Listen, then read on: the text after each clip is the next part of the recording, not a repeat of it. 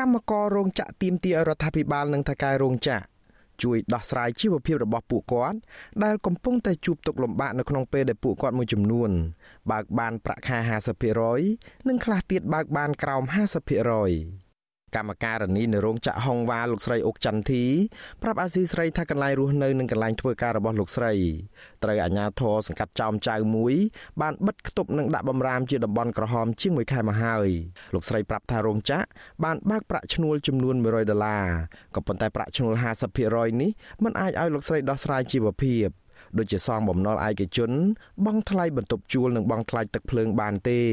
ព្រោះគ្រួសារលោកស្រីមិនមានប្រាក់ចំណូលផ្សេងទៀតទេនៅក្នុងអំឡុងពេលផ្អាកការងារកន្លងមកនេះ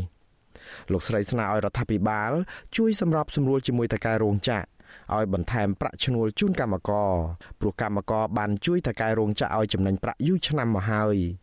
ខ្ញុំនៅក្នុងតំបន់រាំងខ្ទប់ហ្នឹងវាយូរមកហើយភាគីក្រុមហ៊ុនហ្នឹងក៏មិនបានបើកប្រាក់ខែឲ្យពេញ100%អញ្ចឹងដល់អញ្ចឹងមានខាងក្រសួងការងារហ្នឹងត្រូវទៅជួយដល់ពួកខ្ញុំផងមិនអញ្ចឹងទេដាច់ខ្យល់ដាច់ពោះស្លាប់អស់ហើយយ៉ាងយ៉ាងនេះតាមការពិតទៅកែគួរតែឲ្យកម្មករនឹងបាន100%ព្រោះអីយើងធ្វើការមករហូតរោងចក្រនីមួយៗចំណេញពីកម្មករច្រើនណាស់ហើយដល់ពេលរាំងខ្ទប់អញ្ចឹងគួរតែឲ្យប្រាក់ខែកម្មករពេញ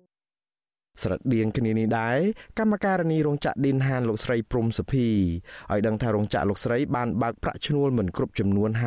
50%តាមការណែនាំរបស់ក្រសួងការងារនោះទេដោយរោងចក្រយកហេតុផលថាមិនមានលុយរាយលោកស្រីព្រួយបារម្ភថារោងចក្រមិនបើកប្រាក់ឈ្នួលដែលនៅសល់ជូនកម្មករ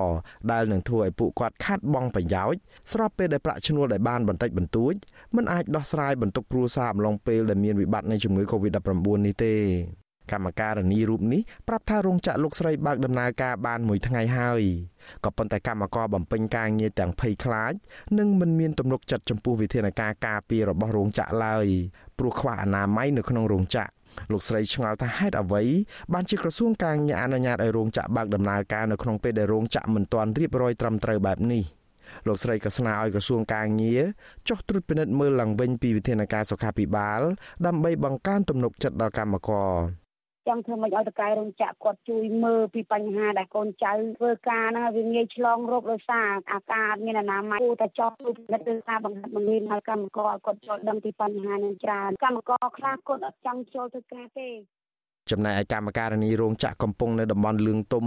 លោកស្រីជាស៊ីណែតលោកស្រីឲ្យដឹងថាការបិទគប់នឹងផ្អាកដំណើរការងាររោងចក្រជាមួយខែនេះបានធ្វើឲ្យលោកស្រីជួបការលំបាកនៅក្នុងជីវភាពគ្រួសារស្របពេលដែលថ្លៃបន្ទប់ជួលនិងថ្លៃទឹកភ្លើងមិនព្រមបញ្ចុះតម្លៃនោះទេលោកស្រីបន្តថារហូតមកដល់ពេលនេះរោងចក្រឌីនហាន មិនទាន់បើកប្រាក់ឈ្នួល50%សម្រាប់ខែមេសានៅឡើយនោះទេ ទុកលំបាកនោះគឺរត់ថ្លៃមិនរួចហ្មងថ្លៃមិនចេញហ្មងព្រោះវាពិបាកសពបែបយ៉ាងហ្មងដូចថាប្រាក់ខែគឺបាត់សឹងទៅថាពាក់កដាលដល់ពេលអញ្ចឹងទៅកូនរៀនផងអីផងត្រូវការសម្ភារៈកូនរៀនជាពិសេសការហូបចុកប្រចាំថ្ងៃគឺយើងវាខ្វះខាតអីផ្ទះជួលគឺពេញទឹកភ្លើងគឺពេញតម្លៃដល់ពេលអញ្ចឹងយើងវារត់អត់រួចប្រាក់ខែក៏អត់ទាន់បានទទួលបានដែរថ្លៃផ្ទះហ្នឹងបើគេមកយកជាយាមបោគេ អាស៊ីសេរីមិនទាន់អាចតាក់ទងណែនាំពាក្យក្រសួងការងារនិងបដិបដាវិជាជីវៈលោកហេងសួរនិងអគ្គលេខាធិការសមាគមរោងចក្រកាត់ដេរនៅកម្ពុជាឬហៅកាត់ថាជីម៉ាក់លោកខិនលូដើម្បីសុំការឆ្លើយបញ្ជាក់បានទេនៅថ្ងៃទី16ខែឧសភានេះក្រុមកម្មករអះអាងថាពួកគាត់នៅតែត្រូវបានម្ចាស់ផ្ទះជួលឬក៏បន្ទប់ជួលភៀកច្រើន បន្តទៀមទាប្រាក់ឥតស្រាកស្រានហើយថ្លៃទឹកថ្លៃភ្លើងក៏ពួកគាត់បន្តបង់ដដែលបើទោះបីជាមានការអំពាវនាវពីប្រមុខរដ្ឋាភិបាលក៏ដោយ ជំវិញរឿងនេះមន្ត្រីគ្រប់គ្រងកម្មវិធីការងារនៃមជ្ឈមណ្ឌលសម្ព័ន្ធភាពការងារនិងសិទ្ធិមនុស្សហៅកាត់ថាសង្ត្រាល់លោកខុនថារ៉ូមានប្រសាសន៍ថាប្រាក់ឈ្នួលកម្មករនិយោជិត មិនទាន់ធានានៅការរស់នៅសមរម្យដែលធ្វើឲ្យពួកគាត់ងាយនឹងទទួលរងផលប៉ះពាល់អំឡុងពេលបិទគប់នេះដោយសារតែនយោជកមួយចំនួនមិនបានផ្ដល់ប្រាក់ឈ្នួលត្រឹមត្រូវលោកមើលឃើញថាកម្មករនយោជិតមិនអាចមានលទ្ធភាពចំណាយជាមូលដ្ឋានដូចជាថ្លៃទឹកភ្លើងបន្ទប់ជួល និងបំណុលនឹងជីវភាពរស់នៅប្រចាំថ្ងៃ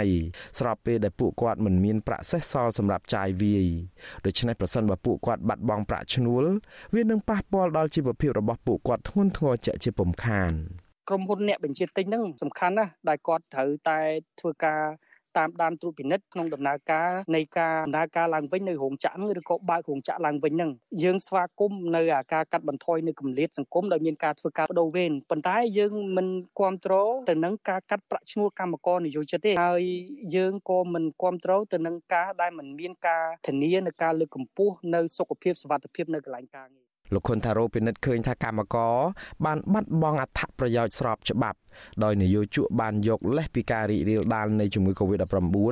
ដើម្បីគេចវេះពីការទទួលខុសត្រូវជាមួយគ្នានេះដែរលោកអះអាងថាសហជីពឯករាជ្យដែលការពារប្រយោជន៍កម្មករ